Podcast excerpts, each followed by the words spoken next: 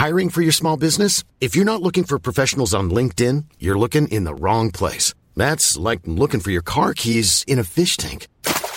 LinkedIn helps you hire professionals you can't find anywhere else, even those who aren't actively searching for a new job but might be open to the perfect role. In a given month, over 70% of LinkedIn users don't even visit other leading job sites. So start looking in the right place. With LinkedIn, you can hire professionals like a professional. Post your free job on linkedin.com slash people today. One size fits all seems like a good idea for clothes until you try them on. Same goes for healthcare. That's why United Healthcare offers flexible, budget-friendly coverage for medical, vision, dental, and more. Learn more at uh1.com. It's that time of the year. Your vacation is coming up. You can already hear the beach waves, feel the warm breeze, relax, and think about work. You really, really want it all to work out while you're away. Monday.com gives you and the team that peace of mind. When all work is on one platform and everyone's in sync, things just flow wherever you are. Tap the banner to go to Monday.com.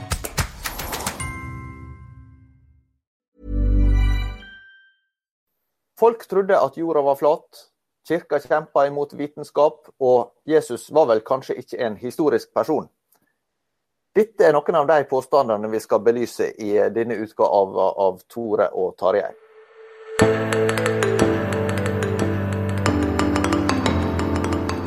Tarjei Gilje og jeg, Tore Hjalmar Skjærvik, er på plass her i studio. Og med oss i dag har vi en uh, interessant gjest. Tarjei. Bjørn Are Davidsen har vært spaltist i Dagen i ganske mange år, og har imponert både sjefredaktøren og mange andre med sine innsiktsfulle og veldig aktuelle tekster. Og en av de tingene du har skrevet om, eh, Bjørn Are, det er jo rett og slett eh, myter og misforståelser knytt til kristen tro. Og sånne ting eh, finner du ganske mye av i vår tid. Ja, det er ganske utrolig hvor mye sånt som fortelles og deles på sosiale medier og andre steder. Til og med i norske lærebøker kan vi finne dette. Du har også gitt ut en bok, det er de siste av uh, flere. Eller ikke, vi vet ikke om den siste, det kan være den nyeste. den nyeste boka du har gitt ut heter jo 'Lurt av læreboken', spørsmålstegn, og handler nettopp om en del sånne forestillinger om uh, hvordan uh, kirke og kristen tro har ja, spredt mer mørke enn lys i vår historie. Og vi tenkte vi kunne snakke om noen av de eh, forestillingene som, eh, som eh, finnes der ute. Og en av, en av, dine læresetninger som jeg har oppfatta, det er at alt du har hørt om middelalderen er feil. Eh, kan du forklare litt eh, hva, hva det handler om? Ja, det er uh, spissformulering. Jeg formulerte i forbindelse med Da Vinci-koden, denne bestselgeren for noen år siden, som uh, hadde veldig mye påstander, noen sånne uh, lover. Jeg kalte dem for Davidsens lover. Og Den første av disse lovene var altså at alt du vet om middelalderen er feil. Nå vet heldigvis folk stadig mer om middelalderen, så loven er kanskje ikke så aktuell lenger, men det går på det at det er så mye myter og svartmaling av middelalderen at uh, man trenger en ordentlig ryddejobb for å forstå hva som faktisk foregikk i den perioden. Du er jo egentlig sivilingeniør, men uh, har jobba veldig mye med uh, vitenskap, falsk vitenskap, og eh, jobber nå i, i både Tankesmia Skaperkraft og Norges kristelige student- og skoleungdomslag. Jeg tror ikke du sover spesielt mye, Bjørnare? Jo, jeg eh, sover nok i overkant mye perioder, men jeg er litt sånn intens og jobber ganske fort. Så jeg kan jukse meg til en veldig sånn imponerende innsats ved at jeg jobber fort. men, men når, når, du snakker om behovet for en, en ryddejobb her, hva, hva, er, hva, slags, eh, hva, slags, rot er det vi må, må rydde i? Ja, for det første så handler det mye om at uh, man har dannet seg et inntrykk av middelalderen som en uh, fryktelig mørk periode, hvor man bekjempet vitenskap, og at dette da hang sammen med at det var de kristne, det var kirken som styrte og bestemte.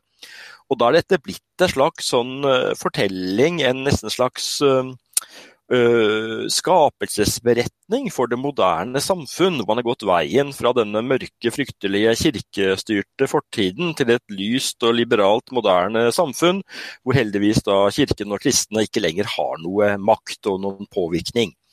Og Det som da må ryddes opp i, det er jo hele dette bakteppet som gjør at veldig mange samtaler om tro og vitenskap og religion og tanke og kultur og arv og alt sånt, er veldig, veldig eh, feil sammenlignet med hvordan det virkelig var.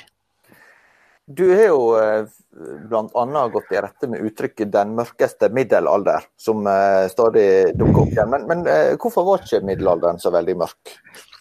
Altså Middelalderen var jo som de aller fleste perioder både mørk og lys. Skal man se på hvilken som helst periode, enten vi er i, i, i romertiden eller vi er på 1700-tallet eller på 1900-tallet eller nå, så vet vi at det er uh, mørke og, og, lyse ting man kan peke på. Uh, nå vi jo, er vi midt, midt oppi en pandemi, eh, og den er jo noe som man har sett tidligere i historien, også i middelalderen, men også på 1600-tallet og 1700-tallet og 1800-tallet.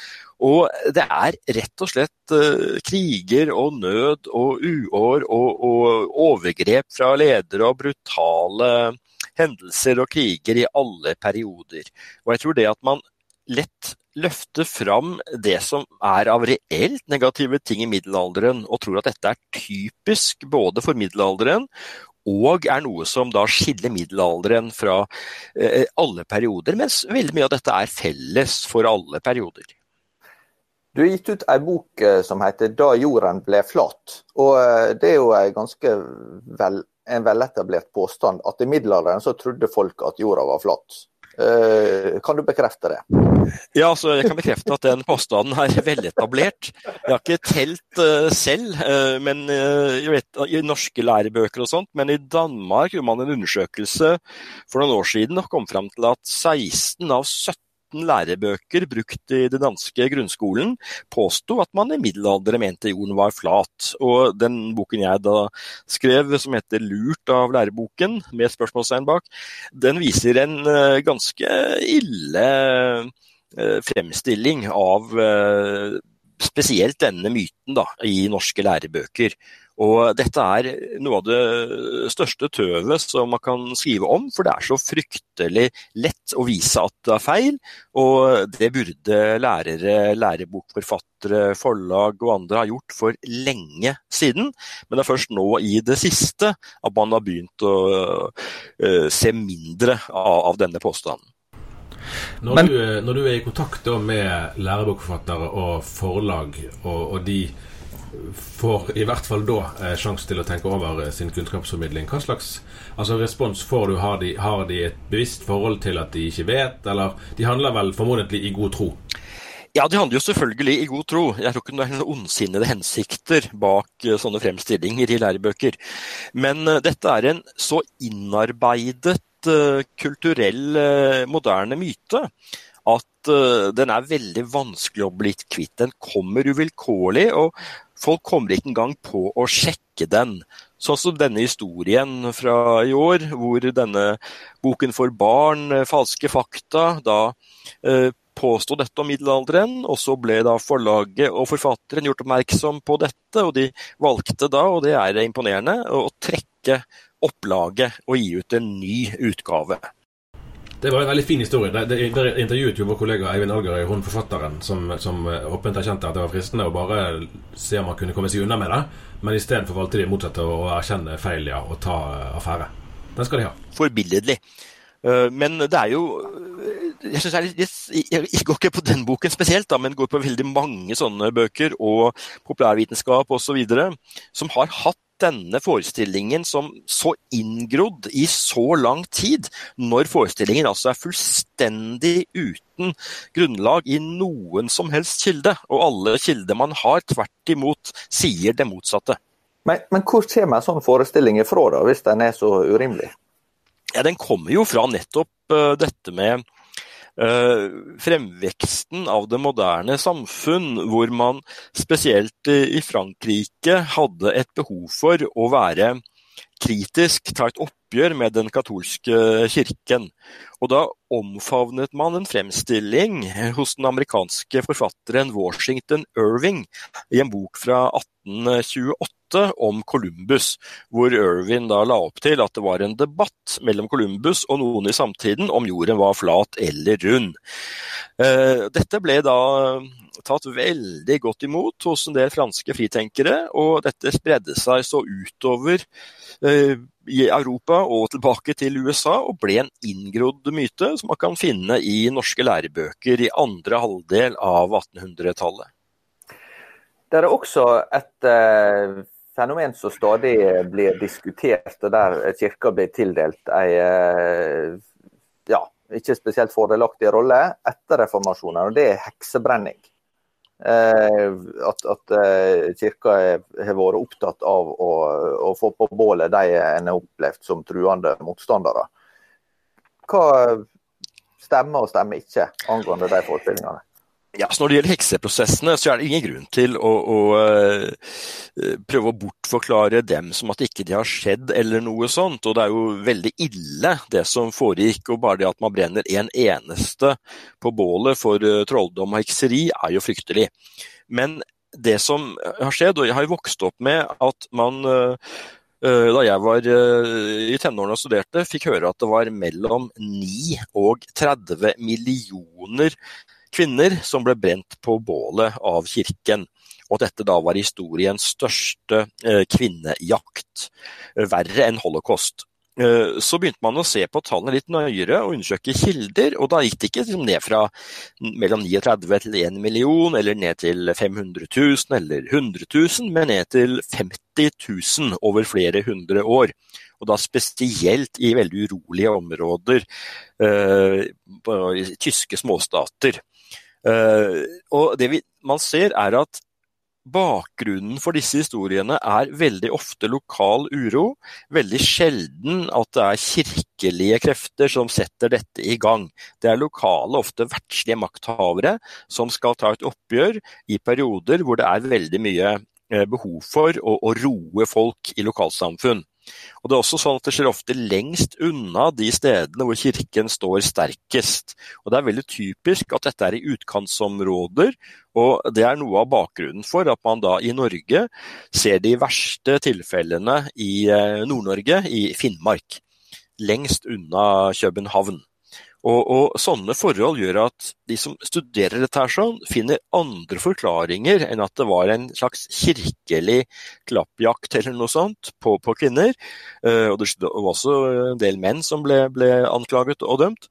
Og Dimensjonene er mindre, men samtidig, som jeg var inne på, uh, fryktelig selvfølgelig fordi det gjaldt, og for en del lokalsamfunn, særlig i Finnmark, som ble hardt uh, rammet. Når ble det slutt på det der? Ja, det, I Norge ble det slutt på dette sånn på midten av 1600-tallet. Eh, den siste prosessen er vel sånn rundt år 1700. Og prosessene foregikk jo altså Det er et slags resultat av oppbruddet av middelalderen, mye sosial uro, innføringen av både reformasjonen på én siden, også av nasjonalstater, hvor, hvor makthaver fikk et behov for å være en slags eh, moralsk vokter for uh, folket og da måtte gripe hardt inn mot det de opplevde som undergravende krefter. Det var ikke det at disse sto for eh, liksom, en kamp mot kristendommen, men fordi at de ble beskyldt for å kunne drive med magi som var skadelig for andre. Som kunne ødelegge buskap, ta liv, skape sykdom osv. Som var en måte rett og slett å forbedre folkehelsen på. På NLA-høgskolen gir deg utdanning med mening. Og samfunnet trenger både sannhetssøkende journalister, kloke pedagoger, etisk bevisste økonomer og musikere som berører. Sjekk ut NLA-høyskolens studietilbud på nla.no, eller besøk et av våre studiesteder i Bergen, Kristiansand eller Oslo. Så til en annen anklage som på en måte er nærmere vår tid, og samtidig fjernere fra vår tid, nemlig korstoga. Eh, det kommer jo stadig opp også i vår tid at eh, det som kirka var eh, oppildna til, mener da, i, i middelalderen med angrep, angrep, mot muslimer i Midtøsten forklarer spenninger som en ser mellom islam og kristendom i vår tid. og En viser f.eks. til pave Urban 2. sin tordentale i 1095 der han eh, ville, ville, sende av gårde tropper til, til, Midtøsten. Men her også mener du at det, det er ganske mye misforståelser ute og går? Ja, altså eh, Korstogene er jo et eh, veldig omstridt område med mye ulike oppfatninger, også blant historikere. Men uh, det er jo ikke sånn at dette var en slags forsøk på misjonstokter, f.eks. Uh, og, og, det er ikke en uprovosert sak. og Paven liksom etter eget uh, forgodtbefinnende sendte av gårde en masse uh, tropper. bakgrunnen var jo uroligheter i Midtøsten, hvor altså den østromerske keiseren, keiseren i Bysants, som det heter populært, Alexios, skrev et brev til paven og ba om å få soldater som kunne hjelpe han i kamp kampen mot tyrkerne, som da hadde kommet inn og forstyrret maktbalansen i Midtøsten. For det hadde jo vært sånn at eh, disse tidligere kristne områdene i Syria og Egypt osv. var blitt erobret av araberne på 600-tallet. Og etter mye fram og tilbake så var det inntruffet en slags eh, ja, fredstilstand, eh, man var enige om hvordan tingene lå an. Men så kom seljuk-tyrkerne og, og angrep både kristne og de muslimene som hadde uh, ledelsen i disse områdene. Og Dermed skapte man så mye uro at uh, Alexios, keiseren, bestemte seg for å tas til motverge og trengte da tropper. Men så overreagerte paven, og folk i Europa ble for ivrige, så det kom veldig mange flere enn Alexios hadde da sett for seg. Og dermed så, så ble det igjen en uh, ny maktbalanse der, hvor korsfarerne erobret masse byer som var allierte med Alexios. Og det hele var uh, ganske uoversiktlig, men, men iveren og gløden fra disse kristne fra vest var så stor at det endte med å ta Jerusalem. Men hva relevans har korstoga for å forstå konflikt mellom eh, islam og kristendom i vår tid? Eller islam og Vesten?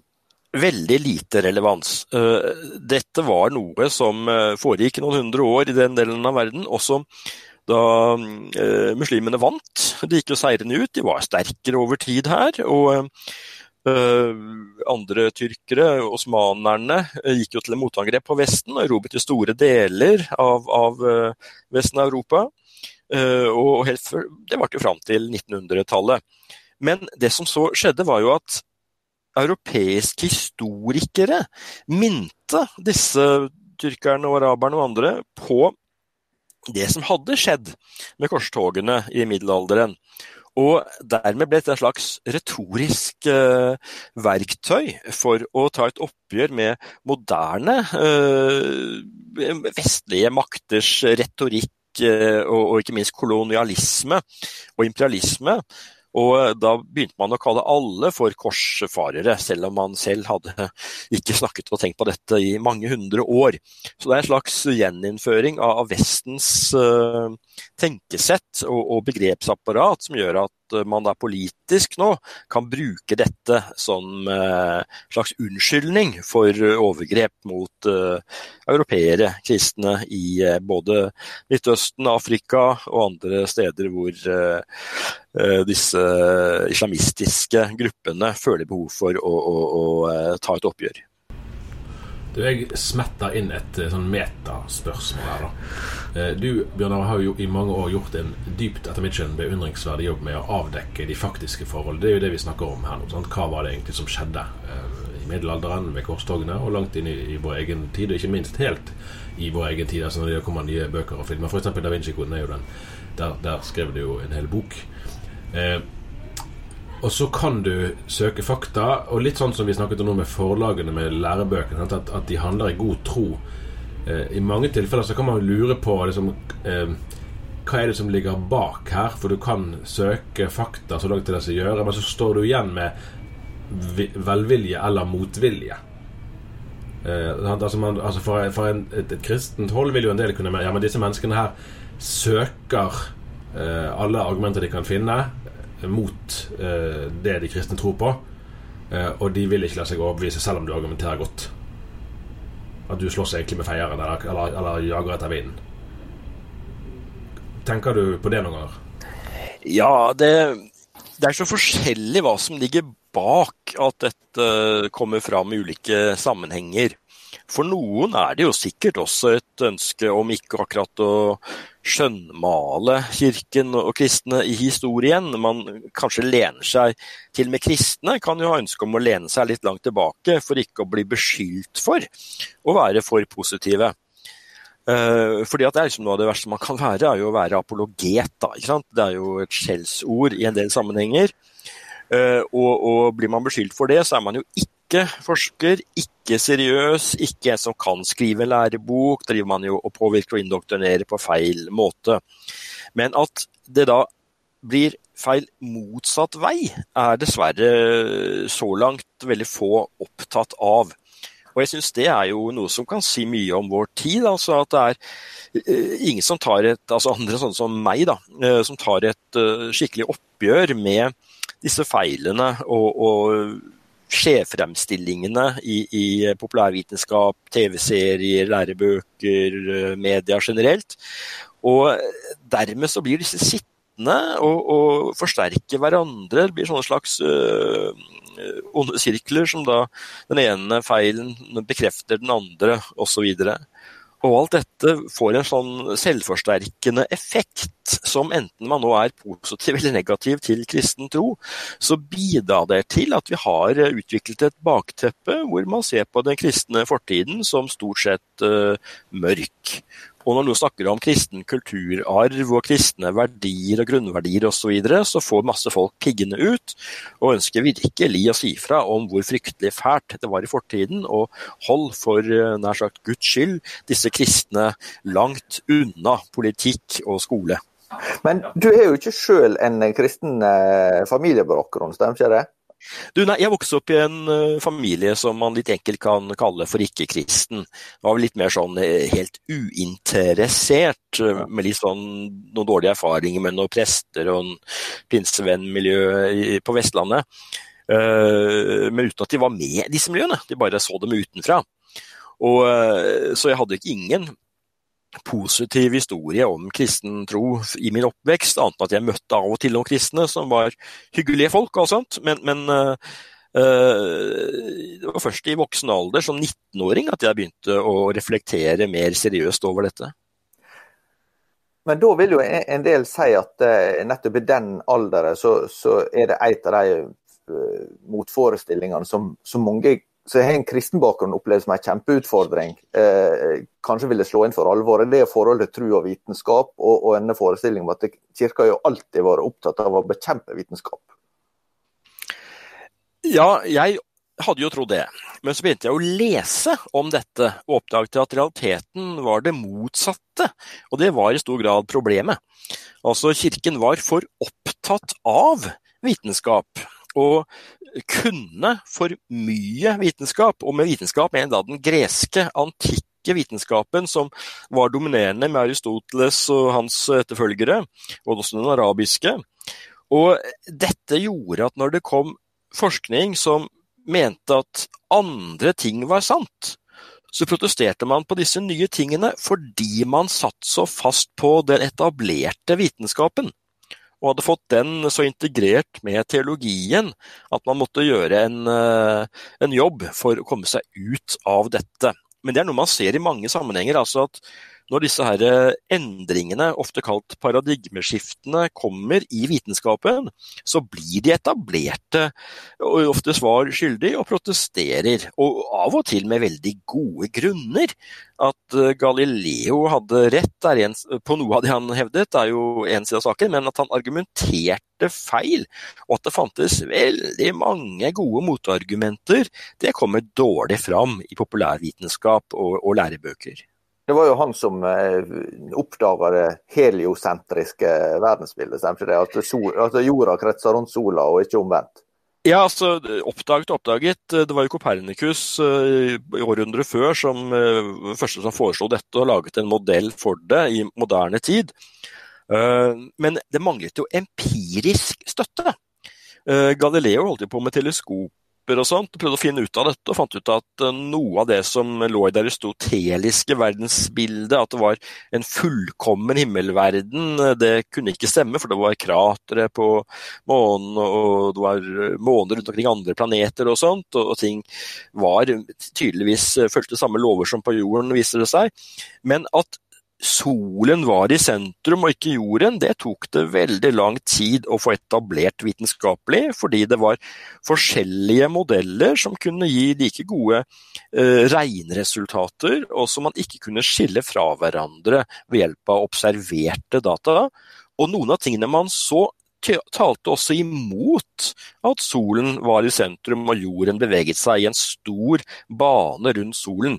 F.eks. at stjernene, altså disse fiksstjernene som satt, står veldig stille på himmelen, ser det ut som, ikke endret posisjon, enten solen var helt på den ene ytterkanten av banen om solen, eller på den andre ytterkanten. Skulle man jo tro at eh, stjernene så litt forskjellige ut, men det gjorde de ikke. Eh, det var først eh, flere hundre år etter Galileo at man oppdaget hadde gode nok observasjonsmuligheter til å kunne se at det faktisk var en forskjell, slik stjernene så ut fra, fra jorda men ikke på Galileos tid. Så dette var et slags uh, nesten avgjørende motargument i et par generasjoner etter Galileo også. Du nevnte jo at uh, apologetikk, eller det å være apologet, nesten er et skjellsord uh, å regne i en del sammenhenger. I en del kristne miljøer er det jo motsatt. Sånn at det er virkelig blitt noe mange har ønsket å løfte frem mer og mer. Og, og vi har sett at denne Veritas-konferansen som vanligvis arrangeres i Grimstad hver høst, har hatt vesentlig økning i antall deltakere. Eh, og Man kan jo lett eh, tenke den tanken at, eh, at, i og med at informasjon nå er så kolossalt mye lettere tilgjengelig enn det var for ja, nå tror jeg når jeg var tenåring, og enda når du var tenåring, sant? At, at kristne ungdommer i dag vil ha mye mer behov for nettopp den type kunnskap som du formidler, fordi at de har behov for å kunne møte sine studiekamerater og skolekamerater og kollegaer og si at ja, jeg er kristen, og det har jeg faktisk eh, altså faktadekning for å være. For å si det sånn. Ser du den utviklingen at, at eh, kristen ungdom i dag er mer faktasøkende, sannhetssøkende, enn de var i din egen studietid? Ja, det virker på meg som det er blitt en uh, endring der. Nå var det ikke sånn sort-hvitt at det liksom ikke var noe den gang, og nå er det bare sånn. Men det er nok blitt mye mer av det nå. Og jeg er jo veldig for det, da. Så jeg er på en måte for apologetikk. Men så er jeg litt sånn skeptisk til bruken av ordet apologet. Uh, fordi det jeg tenker er at uh, kunnskap, fakta og alt sånt er veldig viktig. Logikk, å kunne resonnere seg fram til ulike ting eller reflektere over ting.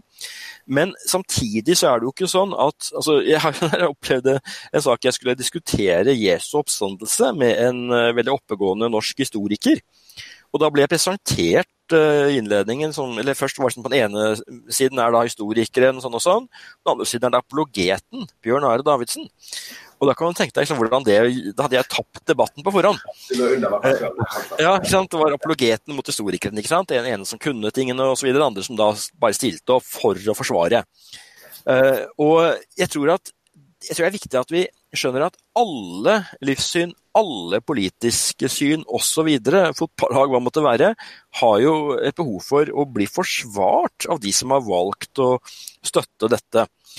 Og det er ikke der forskjellen ligger, om man er apologet eller ikke, men om man faktisk har noen gode grunner for å holde med eh, Rosenborg kontra Brann. Det blir det akkurat nå, er det litt sånn, syns jo jeg det er bedre kunne gjort å holde med Brann, kanskje, men eh, Det hadde vært. Eh, men jeg så, som apologet for Rosenborg, så jeg likevel fast på Rosenborg. Eh, så, så, så, så så, så, men, men, i hvert fall så er det jo sånn at uh, vi trenger uh, grunnlag for det vi står for, og kristne trenger det, og har møtt så mye tull og vås at det er kanskje ekstra stort behov blant kristne. Uh, nettopp i møte med alle disse mytene, alle disse her, måten å tenke feil på om historien, om Guds eksistens, om Jesus videre. Og da trenger man å ha et solid uh, kunnskapsgrunnlag for å kunne snakke seriøst med, med dem man møter om dette her. Men jeg tenker der til slutt eh, at vi, vi kan ta eh, et, et av de spørsmålene som, eh, som, også kan melde seg i vår tid, som, som er jo må vi kunne si svært sentralt. Jeg skrev for noen år siden en artikkel basert på en undersøkelse fra, fra Storbritannia som viste at fire av ti tvil, avviser eller tviler på at Jesus er en historisk person. Og unge mennesker er mest skeptiske. Eh, nå hører vi til historien at jeg også intervjua en eh, norsk historiker eh, som, eh, som jobber med den historiske Jesus, og avfeier at dette her var noe, eh, noe hold i. Men eh, altså, som, som sagt, det, det, at Jesus er en historisk person, er ingen grunn til å reise tvil om. Men hva forteller det om klimaet vi beveger oss i når sånne forestillinger er såpass utbredt? Altså, det forteller oss en del om uh, hvor mye sosiale medier uh, betyr. fordi dette har jo vært en påstand hos en veldig liten uh, gruppe, og stort sett folk uten historikerbakgrunn. Jeg tror det kanskje er en, ja, en, en håndfull, og under, kanskje under det, av verdens titusener av historikere som uh, mener at Jesus ikke har eksistert. Så det er liksom ikke noe diskusjon i historiske miljøer. Der er det uh, helt hevet over all rimelig tvil at Jesus har eksistert. Men det sier noe om hvor lite innsikt folk flest har i historisk tenkning og i hvordan man skal forstå kilder, og hva dette med skal vi kalle det for en argumentasjon da, for at Jesus og andre historiske personer har eksistert. Hva, hva man mener med det i historiske miljøer.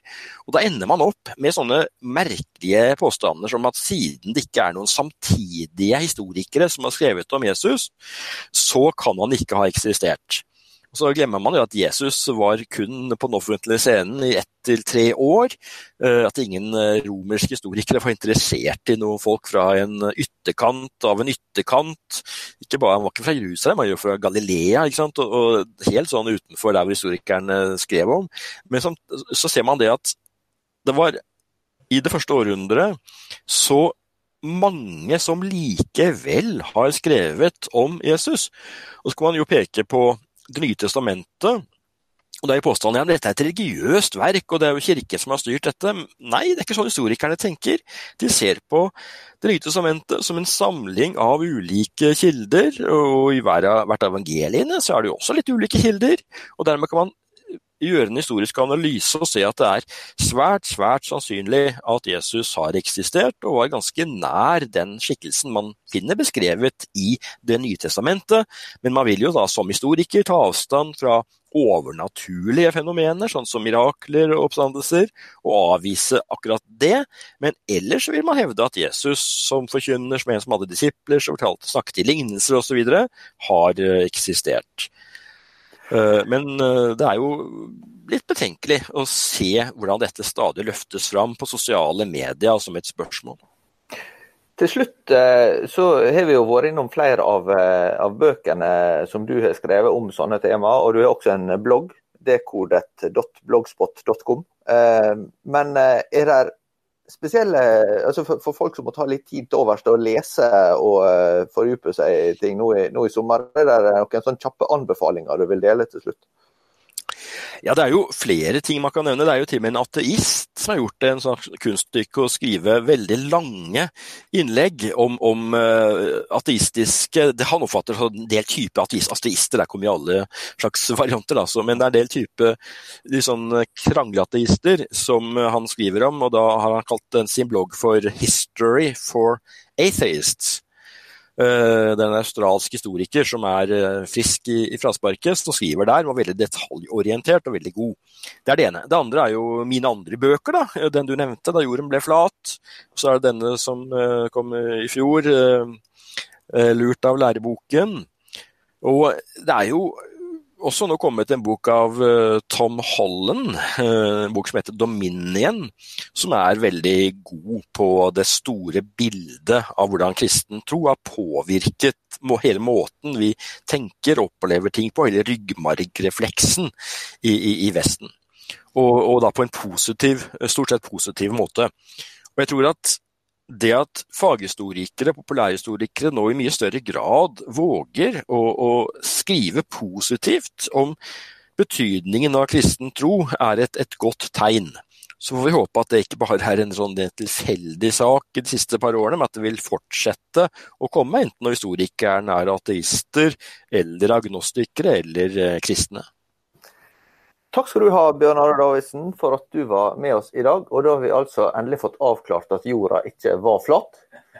Eh, og flere avklaringer satser vi på å komme med i, i episodene i ukene som, eh, som, ligger framfor oss. Vi fortsetter å lage podkast utover sommeren. Det er riktig. Og det går an å abonnere. Skal vi si det til, til slutt? Ja, det, det, går an å abonnere på laget. Ja, ja. Takk for i dag. Ha det godt.